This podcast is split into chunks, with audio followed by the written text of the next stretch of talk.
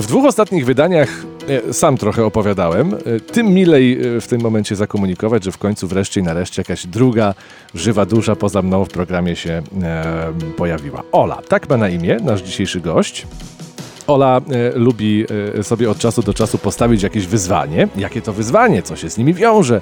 Jak one wpływają na naszego gościa? Zapraszam na rozmowę o prostych rzeczach dających spokój ducha, ale też o cielesnych sprawach będziemy mówić. Ciekawie brzmi? No to jedźmy.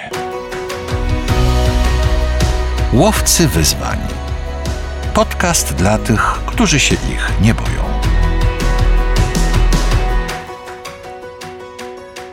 Ola Niewiadowska, bo o niej mowa.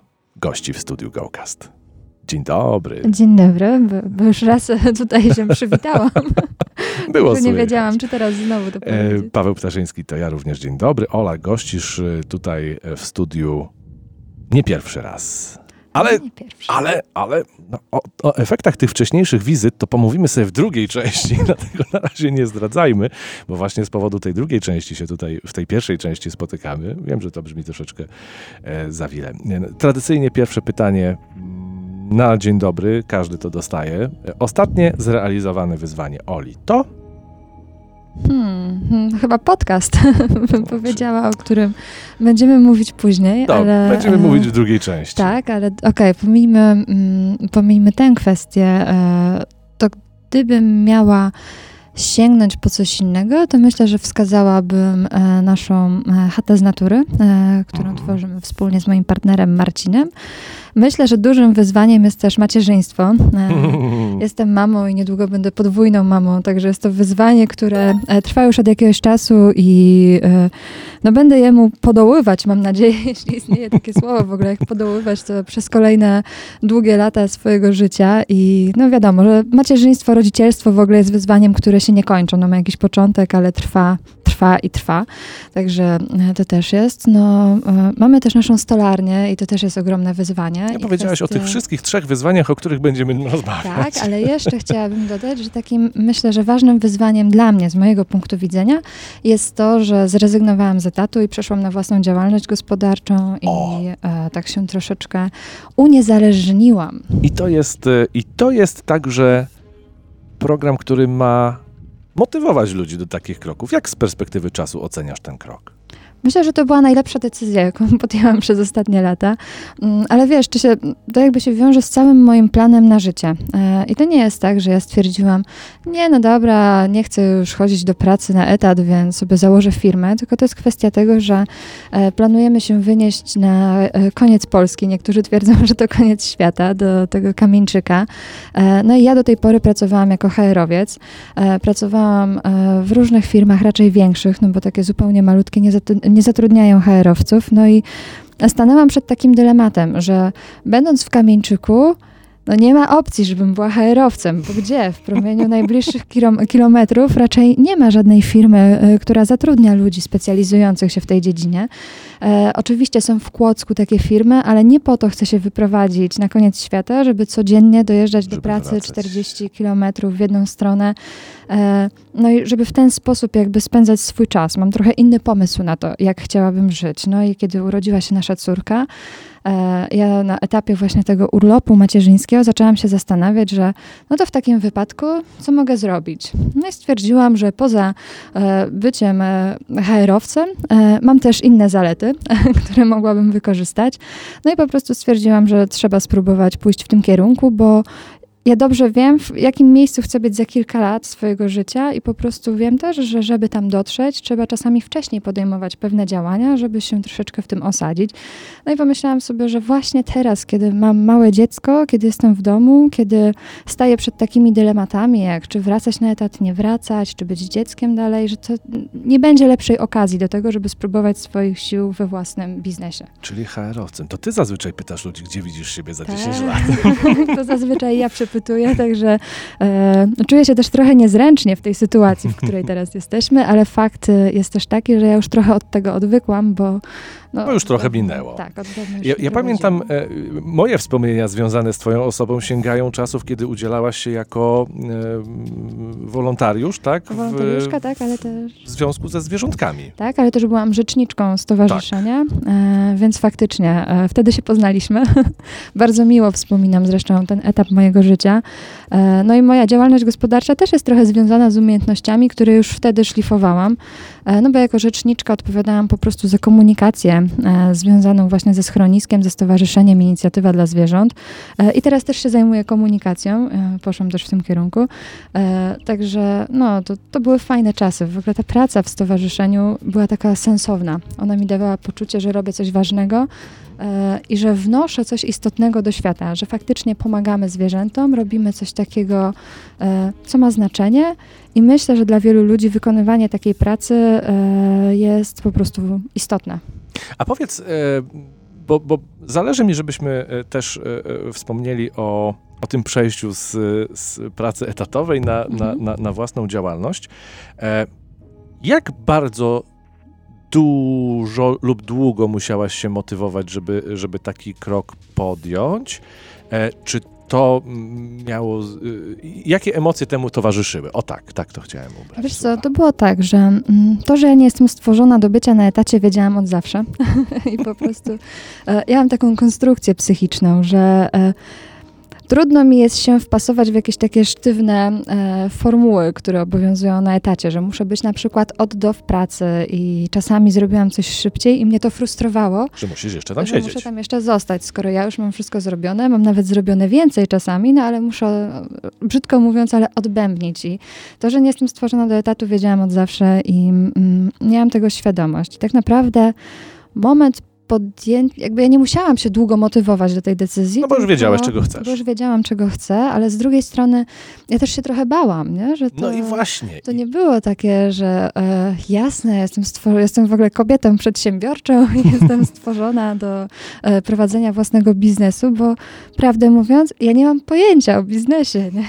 Żadnego. To... No a jak wyglądał ten moment, kiedy powiedziałaś, dobra, to ja dziękuję bardzo, miło się współpracowało, ale to jest ten moment, kiedy Ola będzie miała własną firmę. I co? Idziesz y, do urzędu, robisz swoje, zakładasz działalność gospodarczą, przychodzisz do domu i czy jest takie, taka myśl była na przykład, że co ja najlepszego zrobiłam?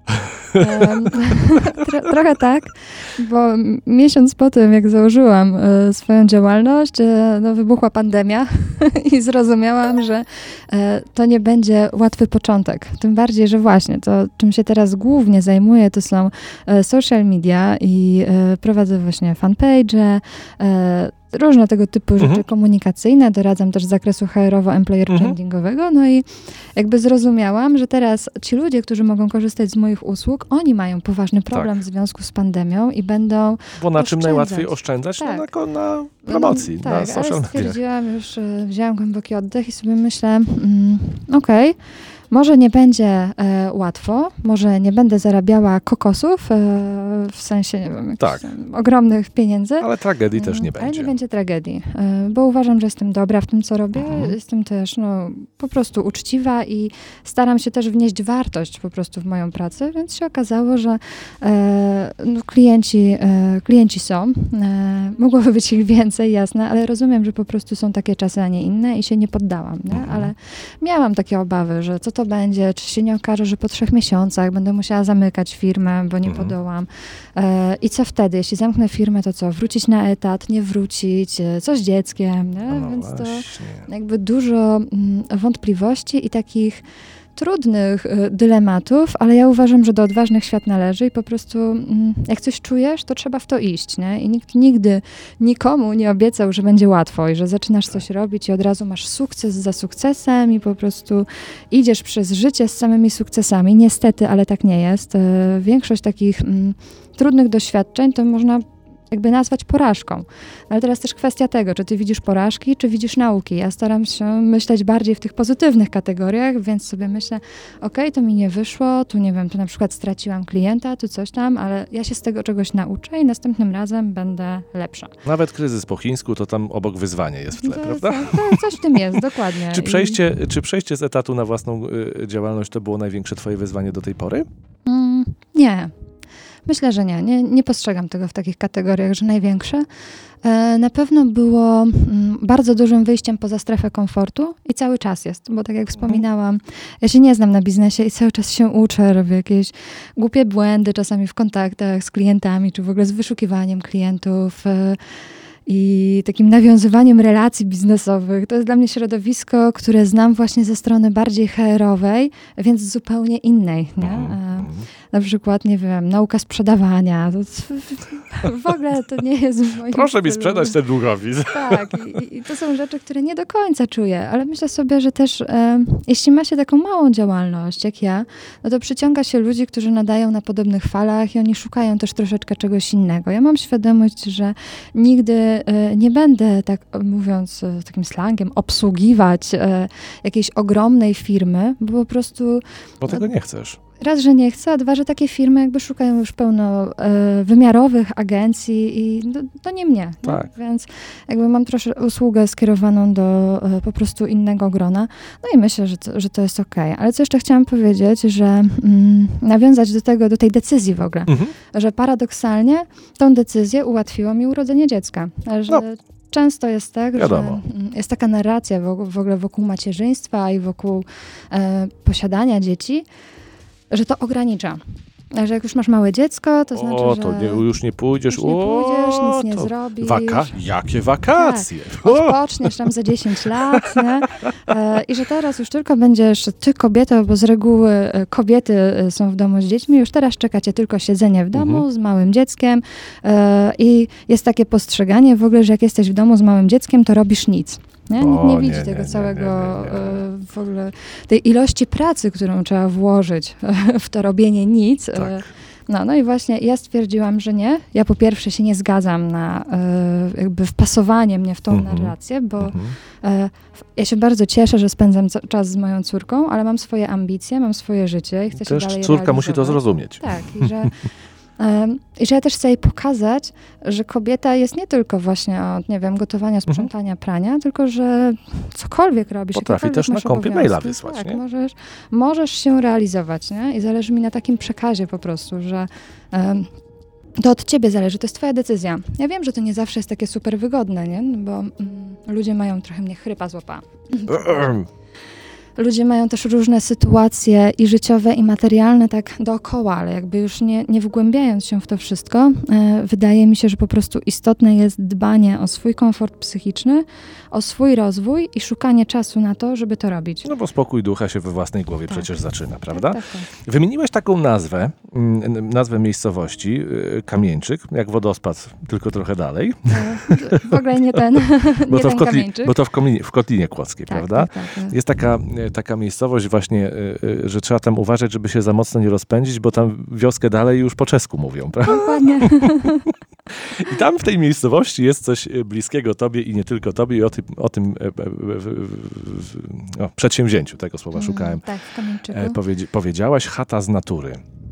tak. Cóż to jest i E, dlaczego z natury?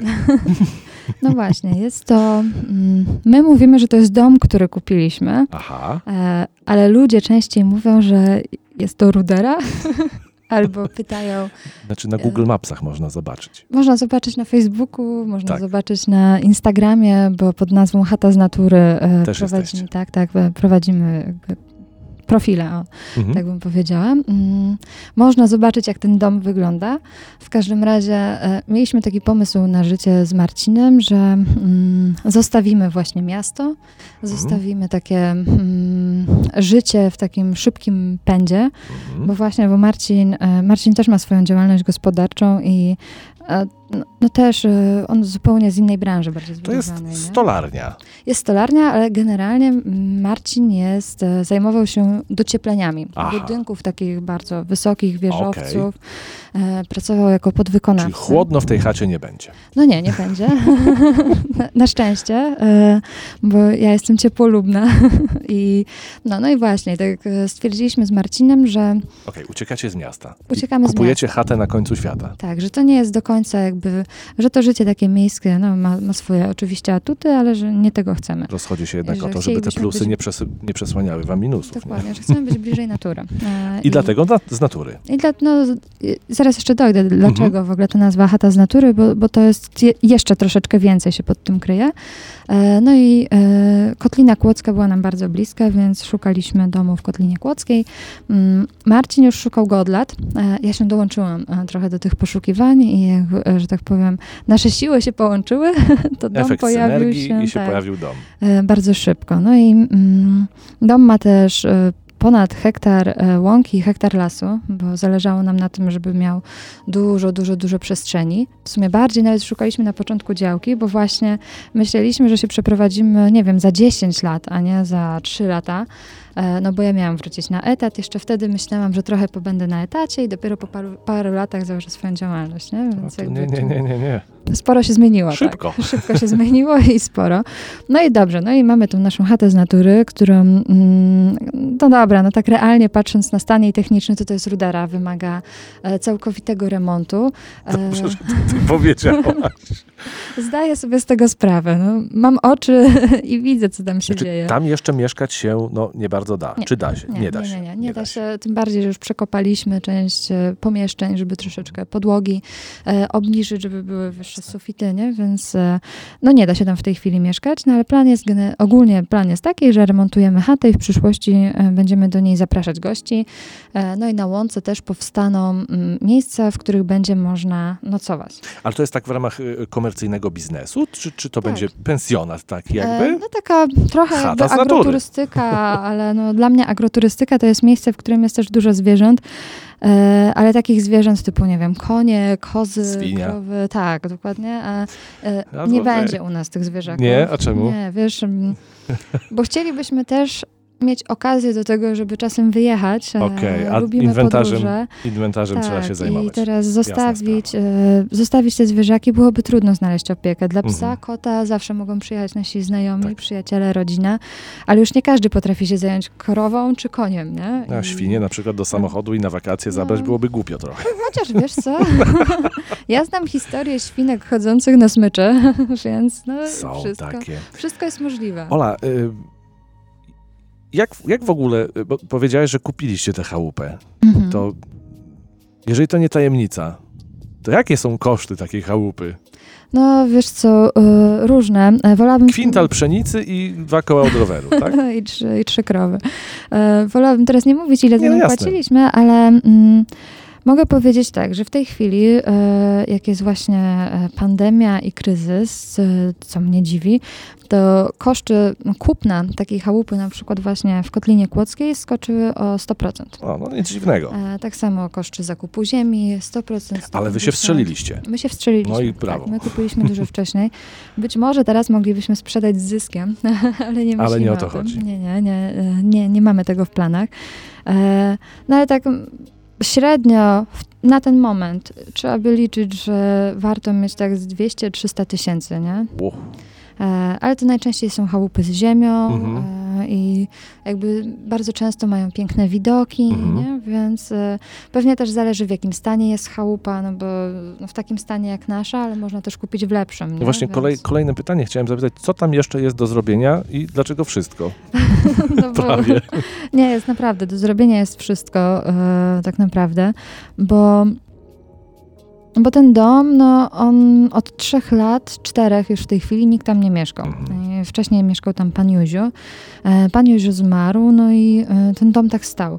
I on po prostu niszczał, nie był ogrzewany, no te, ten dach był taki połatany, no bo tam pan Józiu nie do Mhm. końca o to dbał, już był samotny. Mm, Także mieszkał w jednym pomieszczeniu tak naprawdę. No i przez lata to wszystko zmarniało. No i nas w tej chwili czekają, czeka wymiana belek w ścianach, czeka nas osuszanie murów, wymiana dachu.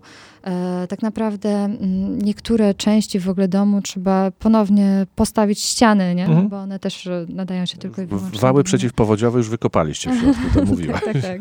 Więc y, no, czeka nas tam ogromne porządki, porządki w ogóle na terenie dookoła. Mhm. Trochę go trzeba wyrównać, przekopać znowu, e, bo chcemy też założyć ogródek.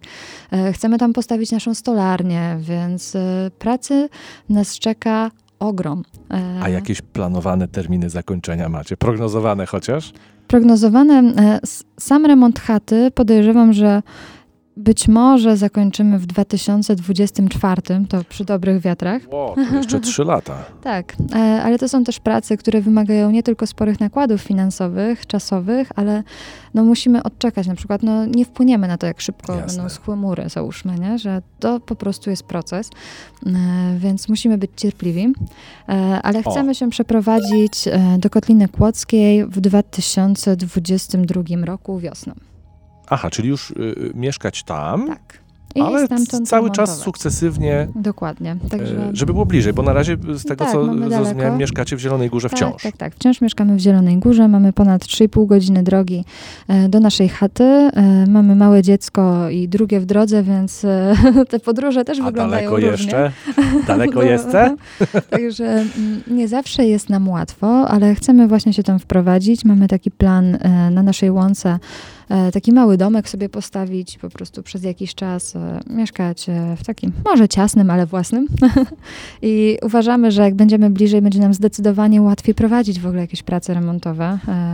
No, my mamy też takie szczęście, że Marcin się na tym zna. Mhm. Że do wielu prac nie potrzebujemy wynajmować jakiejś bardzo mm, wyspecjalizowanej ekipy budowlanej, bo dużo rzeczy potrafi zrobić tak. Marcin. Zawsze możemy dotrudnić jakiegoś pomocnika, mogą przyjechać nasi, nie wiem, przyjaciele, znajomi, może e, jakieś ekipy będą chciały nas wspierać, kto wie, jak to się rozwinie.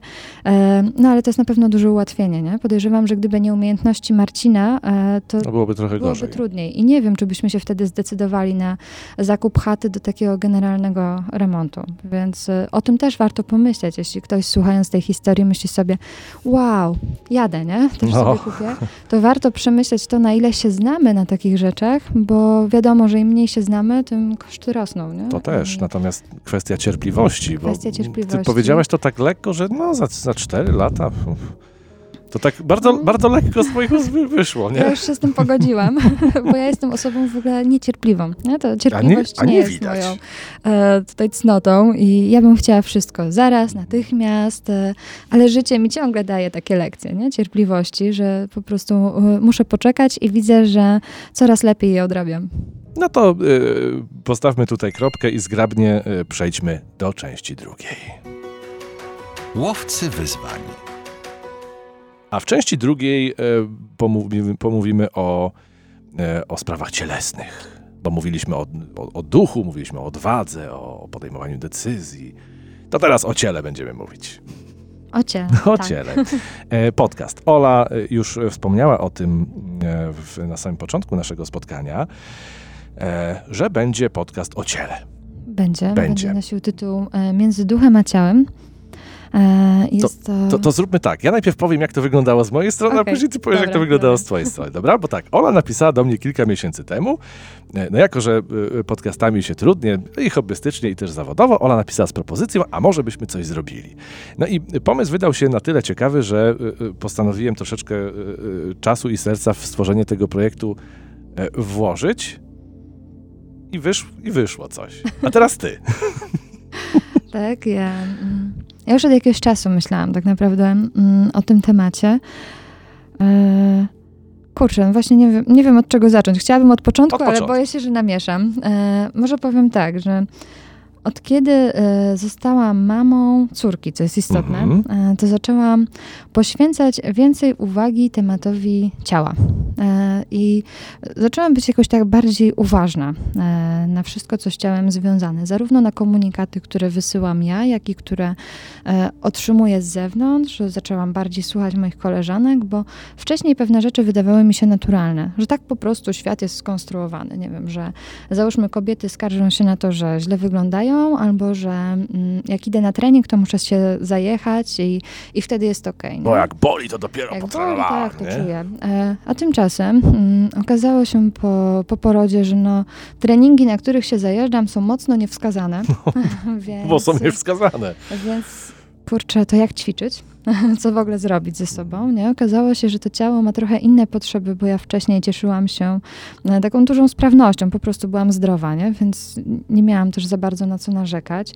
Parę razy mnie gdzieś jakaś e, choroba poważniejsza dopadła i dało mi to trochę do myślenia. Ja zresztą też e, w podcaście dzielę się jedną taką ze swoją osobistą historią. I jakby to wszystko zaczynało mi się składać w takie puzzle, nie? Że, e, że zaczęłam trochę inaczej patrzeć na to ciało i nagle widzieć potrzeby, które mają też inni ludzie. I sobie pomyślałam, kurczę, fajnie byłoby w tym temacie pogrzebać. Ja mam to szczęście do ludzi w swoim życiu, mhm. E, że kiedy pojawia się jakaś taka powiedzmy energia, to spotykam odpowiednich ludzi. I nagle się okazało, że tu właśnie jest Gosia Stysińska, że jest Marta Pelińska, że jest Justyna Iwanowska, Ania Mendak i jakby z tej mojej gotowości do podjęcia tego tematu zaczęły się rodzić różne fajne rozmowy, takie inspirujące, jakieś spotkania. Ja to tak zaczęłam sobie w głowie układać i stwierdziłam, że e, nie wszyscy mają to szczęście do ludzi, które mam ja. Nie wszyscy ludzie też mają taką może otwartość, gotowość na takie rozmowy, i, a mają potrzebę. Że czasami nawet nie wiemy, że mamy tą potrzebę, nie? Żeby, żeby zgłębić jakiś temat, ale on gdzieś tam w nas pracuje, daje sobie znać. No i ja tak z pół roku myślałam mm, o takich tematach właśnie związanych z ciałem i w końcu stwierdziłam, że ale byłoby fajnie e, po prostu pogadać o tym. E, z, żeby to ktoś jeszcze zarejestrował żeby i żeby tego już jeszcze posłuchał. I, I, żeby jeszcze ktoś miał okazję usłyszeć mhm. później. Nie? E, no i stwierdziłam, że ja i moja znajomość technologii to jest to jest kiepsko. E, dobrze, że potrafię w ogóle obsługiwać komputer i to, to, to jakby w zakresie mojej pracy się znam. Ponadto e, jest to dla mnie po prostu trudne. No i tak e, zacząłeś wtedy mi się pojawiać ty w różnych miejscach na Facebooku, znowu chyba w myśl zasady, że pojawiają się ludzie, których potrzebujesz i nagle tutaj informacja, że robisz podcast, tutaj co, tutaj e, różne działania i tak sobie myślałam, hm, dobra, napiszę. Zobaczymy, co z tego będzie. Chociaż bałam się trochę, że pomyślisz, że e, zwariowałam, bo wydawało mi się, że trochę ten mój pomysł na podcast brzmi tak trochę... Hmm, może nie ezoterycznie, ale brakuje mi lepszego słowa, nie? że jest taki... Hmm... Szukam zamiennika, ale to no, nie wiem, czy ja wiem, może szarlataner, szarlataneria. Może trochę ale tak. nie, nie, tak- nie, nie. I tak właśnie nie, w pierwszym momencie może też, wiesz, może tutaj też zadziałały jakieś e, stereotypy w mojej głowie, nie? Że jednak jesteś mężczyzną i nie wiedziałam, czy poczujesz A, ten mm, klimat. o, o ciele chcą to jakiś tym podcast pornograficzny, czy co? To wie, no, wiesz, e, różnie ludzie reagują. Dlaczego uważasz, że ten temat ciała jest społecznie istotny? Bo widzę, mm, widzę, słyszę, jak wiele osób z powodu ciała cierpi po prostu. To, że e, brzydko wyglądam, że fajnie by było, że albo na lubimy. Instagramie tak ładnie wyglądają. Tak, że nie lubimy siebie. E, I myślę, że mężczyźni też mają ten problem, chociaż muszę przyznać, że ja częściej o tym rozmawiam z kobietami, bo po prostu jakby mężczyźni nie dzielą się ze mną takimi swoimi mhm. historiami. Bo, bo, bo, chyba jest tak, że, że to kobiety prędzej szukają lustrza, ojej, źle dzisiaj wyglądam. Myślę, że tak, chociaż... Mm, Skąd się to bierze? Wiesz, no właśnie to się bierze z naszej kultury, e, to się bierze z wielu przekonań, które po pierwsze otrzymujemy od innych ludzi, e, w jakiś sposób nimi nasiąkamy, tak naprawdę już od małego. Mm, od, nie wiem, jest mała dziewczynka i mały chłopiec i prędzej mała dziewczynka usłyszy, ale pięknie wyglądasz niż mały chłopiec.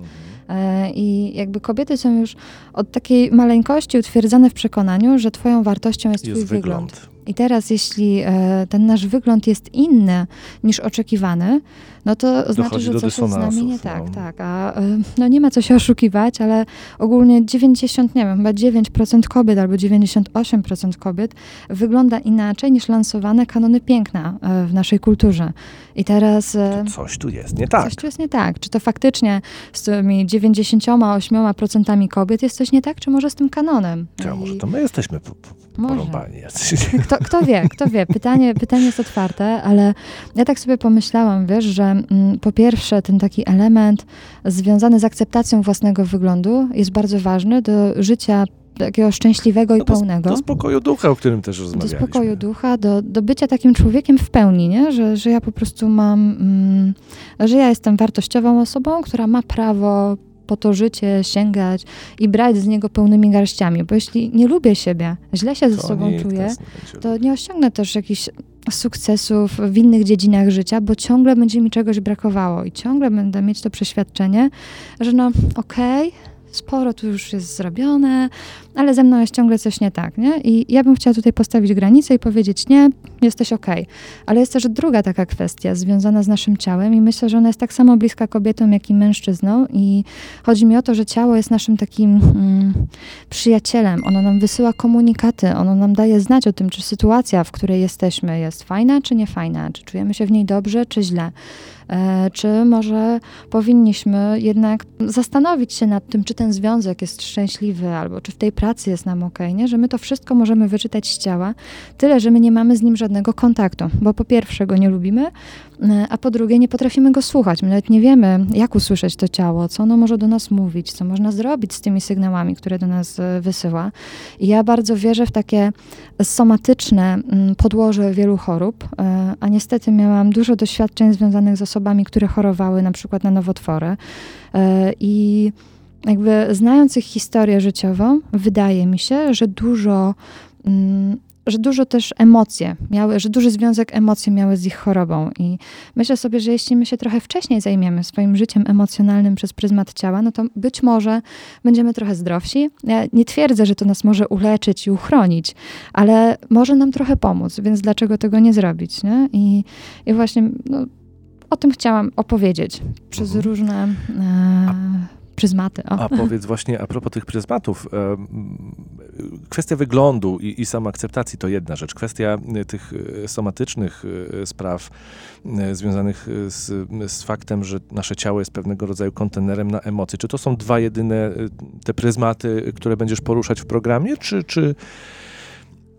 Znaczy ja to wiem, ja chciałem, żeby to słuchacze się dowiedzieli. Myślę, że to są takie głównie wybrzmiewające, ale tak naprawdę mm, pojawiło się tam też sporo takich wątków kobiecych. E, no bo jednak jestem, jestem kobietą, jakby te rozmowy z kobietami też się często obracają wokół y, tematów kobiecych, więc wokół jakiejś takiej y, kobiecości, seksualności, ale nie w znaczeniu rozmowy z seksuologiem o tym, y, nie wiem, jaki seks jest dobry albo jakie uczucia powinny nam towarzyszyć, tylko bardziej seksualności właśnie związanej z cielesnością i z naszym samopoczuciem. E, pojawiły się też tematy takie związane z tym, co my możemy robić dla kolejnych pokoleń, właśnie dla naszych dzieci, jak możemy z tym pracować i jak możemy po prostu starać się zrobić coś chociaż trochę lepiej, e, bo no cóż, nie jesteśmy idealni i nigdy nie będziemy. Często mając świadomość różnych rzeczy, też popełniamy błędy, ale jednocześnie mając świadomość, mamy możliwość zmiany nawet drobna zmiana uważam, że może przynieść duże rezultaty. Także e, jeszcze, jeszcze się takie tematy pojawiły. Ja myślę, że w ogóle ten podcast, jakby tworząc go, bardziej myślałam o kobietach e, niż o mężczyznach. Mm, Natomiast jeżeli poczucie... mogę wtrącić właśnie to to, że y, myślę, że chłopy też coś tam dla siebie znajdą. Też mi się tak wydaje, że y, mężczyźni też znajdą w tych rozmowach y, coś dla siebie. Być może tym czymś dla siebie będzie jakieś takie głębsze zrozumienie partnerki, nie wiem, siostry, przyjaciółki, mamy, jakiejś bliskiej kobiety, a być może będzie też odnalezienie w sobie jakiegoś kobiecego aspektu. Tak, bo, bo przecież mężczyźni też nie są ich pozbawieni, ale bardzo często je wypierają, bo przecież facetowi nie wypada płakać, załóżmy, nie? Także e, wydaje mi się, że no, może warto też e, tego posłuchać. No i mam nadzieję, że on po prostu będzie ciekawy i inspirujący dla ludzi. Wymieniłaś cztery, cztery koleżanki e, wcześniej, chwilę temu. I to są panie, które też razem z tobą będą się w tym programie tak, tak, tak, tak. pojawiały. Kim one są? Każda z nich pracuje z ciałem. Mhm. Każda pracuje też trochę inną metodą. I to jest bardzo inspirujące, ponieważ każda ma trochę inne doświadczenia. I dzięki temu, że one z tym ciałem pracują, mają też bardzo głęboką taką mm, refleksję na jego temat. Załóżmy, mm, Gosia i Ania obie są dulami. Gosia, przepraszam, jest e, joginką, Ania jest też tancerką, więc są to bardzo takie różne spojrzenia mhm. na cielesność. E, Justyna na przykład jest psycholożką, ale jest też joginką. Jest Marta, która, jest, e, która zajmuje się pilatesem, ale także ma, doświ- ma doświadczenia taneczne i każda z nich przeszła jakąś taką mm, inną drogę do punktu, w którym są dzisiaj. I myślę, że wiele z ich historii można się nauczyć. Ja na przykład bardzo lubię rozmowy z każdą z nich, bo, bo zawsze wniosą coś po prostu takiego interesującego i wydaje mi się, że one bardzo fajnie też jako właśnie rozmówczynie dopełniały się w tych rozmowach. A powiedz, y, te te pierwsze, pierwsze nagrania, które robiliśmy, jaka tam ta trema była, tak? Mhm, trochę tak. Ale dziś, a dzisiaj? Wiesz co, powiem tobie szczerze, że kiedy odpowiadam na pytania, mam mniejszą tremę niż, mam, niż kiedy Niż mam zadawać gospodarz. te pytania i kiedy właśnie, kiedy, e, kiedy prowadzę rozmowę. Z tego powodu, że mam mniejsze doświadczenie. Mimo tego, że tak jak wspominałam, pracowałam w HR-ach i prowadziłam rozmowy rekrutacyjne, ale rozmowa rekrutacyjna rządzi się trochę innymi prawami, e, ale to, co łączy obie sytuacje, to jest umiejętność słuchania. E, I zadawania po prostu pytań, jeśli się kogoś słucha, to łatwiej Mhm. zadać odpowiednie pytanie. Także e, mam nadzieję, że dobrze wykorzystałam tę umiejętność, ale przyznam, że właśnie pierwsze nagrania były, były trochę stresujące, takie jak ja sobie poradzę jako e, osoba prowadząca e, ten cały podcast. E, ale też na szczęście i ty jesteś bardzo życzliwie nastawiony. Dałeś mi Dziękuję. tutaj wskazówki, jak sobie poradzić w tej sytuacji. No i też dziewczyny są bardzo takimi ciepłymi osobami, życzliwymi, więc nie miałam takiego lęku związanego z rozmowami z nimi. Nie? Bo się znacie przede wszystkim. Tak, nie? my się znamy, ale też nie bałam się tego, że sobie pomyślę, O co to jest, czemu ja się na to zgodziłam e, i na pewno to dużo stresu ze mnie zdjęło. E, Co było najtrudniejsze w tym projekcie?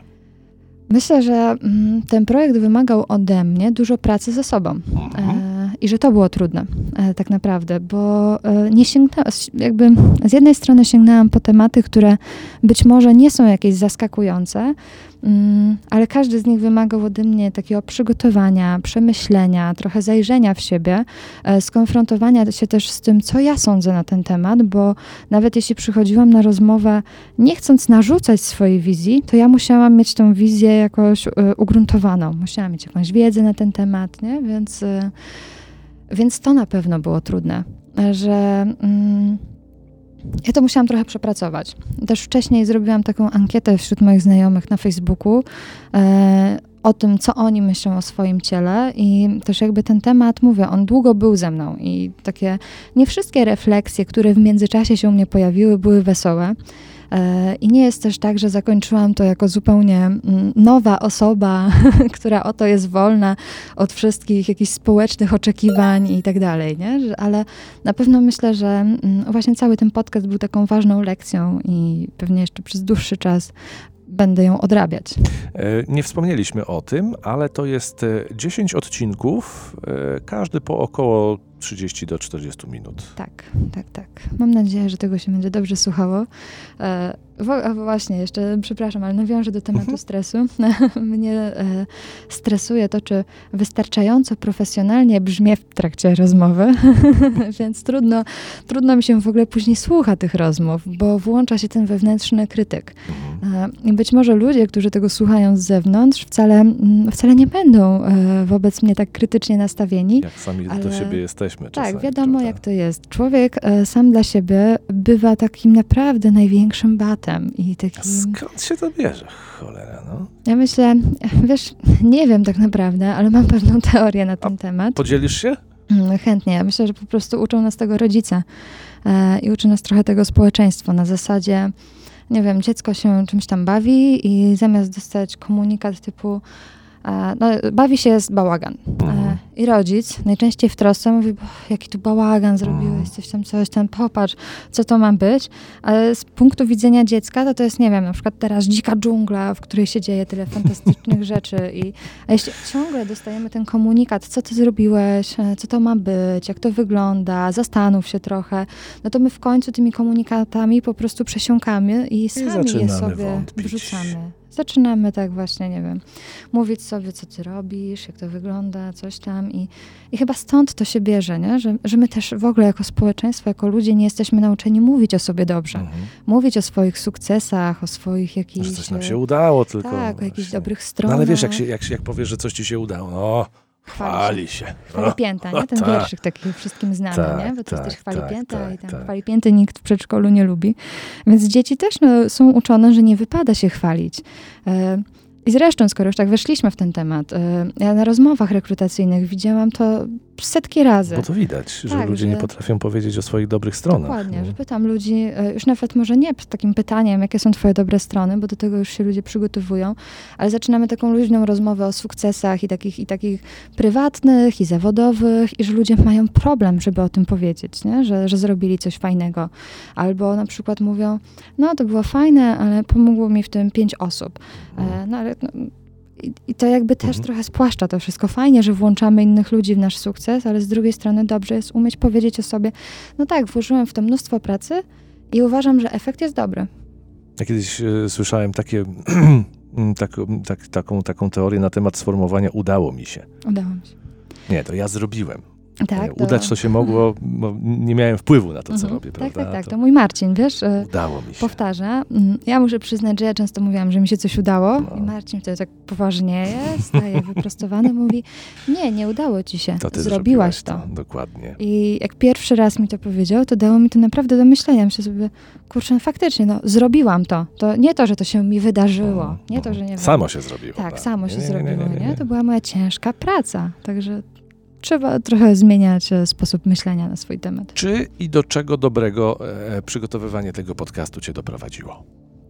Mm, Po pierwsze, po pierwsze uwierzyłam w to, że mogę prowadzić podcast, że mogę go nagrać em, i że pomysł, że to jest w ogóle fajne doświadczenie, że w mojej głowie pojawił się jakiś pomysł, pojawili się ludzie, e, którzy chcieli ten pomysł ze mną realizować e, i że doprowadziłam ten pomysł do końca e, i włożyłam w to pracę, także samo takie doświadczenie takiej mm, sprawczości jest istotne i, i to było fajne.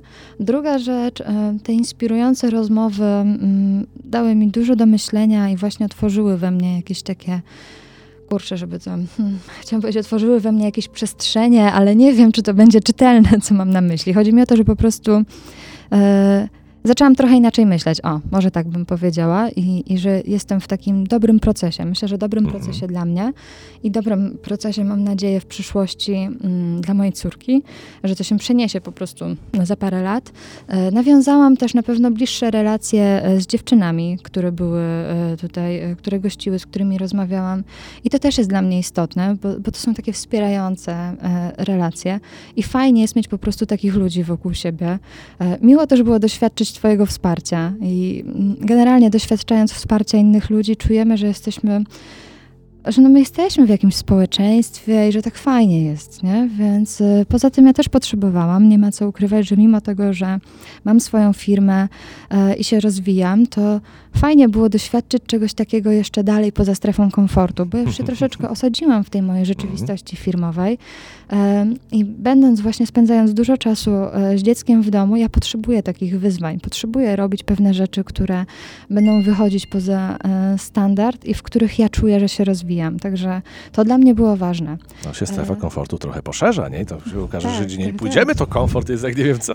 No, a jeszcze, jeszcze do tego dochodzi fakt, że jestem w drugiej ciąży, które, której początki były bardzo trudne. Już może nie wnikajmy w to, jak trudne, ale e, Bywają trudne. nie tak, to, to nie było e, przyjemne doświadczenie stanu błogosławionego.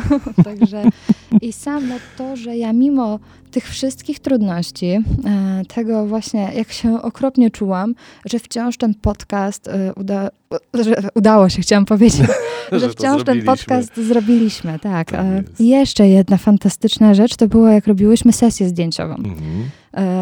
No i teraz znaleźć ludzi, którzy w ogóle, e, po pierwsze, jak już ty powiedziałeś, że dobra, to wydajemy ten podcast, to teraz ja musiałam innym ludziom o nim opowiedzieć, żeby ktoś na przykład nas pomalował na Mhm. sesję i że tyle, kurczę, fajnych dziewczyn się e, właśnie zaangażowało. To to było niesamowite, że przyjechała Magda Górka, która nas e, pomalowała, Marta Mansfeld, która nam zrobiła fantastyczne fryzury i dziewczyny przyjechały z Międzyrzecza. To nie to, że przyjechały e, z za rogu, nie? tylko po prostu e, chciały nas wesprzeć, że była Ala Szarowar, która nam robiła zdjęcia i jej e, pomocnica Kinga Perzyńska, e, kobieta z blendą, że tak powiem. E, to, że była Magda Bro- Bronakowska, Bronkowska, kurczę, przepraszam Magda, ale e, mam tutaj problem z twoim Dużo ludzi nazwiskiem. zaangażowanych w Tak, ale Magda tego. nam zrobiła te przepiękne rysunki z henny i Mhm. Magda przyjechała w ogóle z Podlasia. O, także E. y, to jest podcast społeczny. Tak. Mówimy, i... to jest nasze, przez tak, nas tak, wykonane tak, i to nie jest nasze ostatnie I słowo. wiesz, to doświadczenie w ogóle takiej współpracy e, między kobietami, tego, takiej energii, to też było super doświadczenie. Miło było być rodzynem. Dobrze się bawiłeś z nami, mam nadzieję. Zdecydowanie tak. No to co, Olu, do usłyszenia 3 marca e, w środę o 20 w programie Między Duchem a Ciałem w serwisie GoCast, a także na Spotify i innych aplikacjach do podcastów. Do usłyszenia, zapraszam. Ola Niewiadowska, autorka podcastu Między Duchem a Ciałem. E, W serwisie GoCast także więcej tytułów e, spod szyldu e, GoCast, no i archiwalne wydania Łowców Wyzwań. Bardzo dziękuję za, za Twoją obecność. Dziękuję bardzo za zaproszenie. Łowcy wyzwań. Podcast dla tych, którzy się ich nie boją. Każda historia, która prowadzi do czegoś dobrego, jest warta opowiedzenia i wysłuchania, nawet ta najprostsza. W tym programie szukamy również takich opowieści. Jeżeli chcesz opowiedzieć o swoich wyzwaniach, wejdź na stronę cnwmedia.pl ukośnik łowcy wyzwań i wyślij zgłoszenie, a być może porozmawiamy. Dziękuję za dziś. Paweł Ptaszyński, do usłyszenia.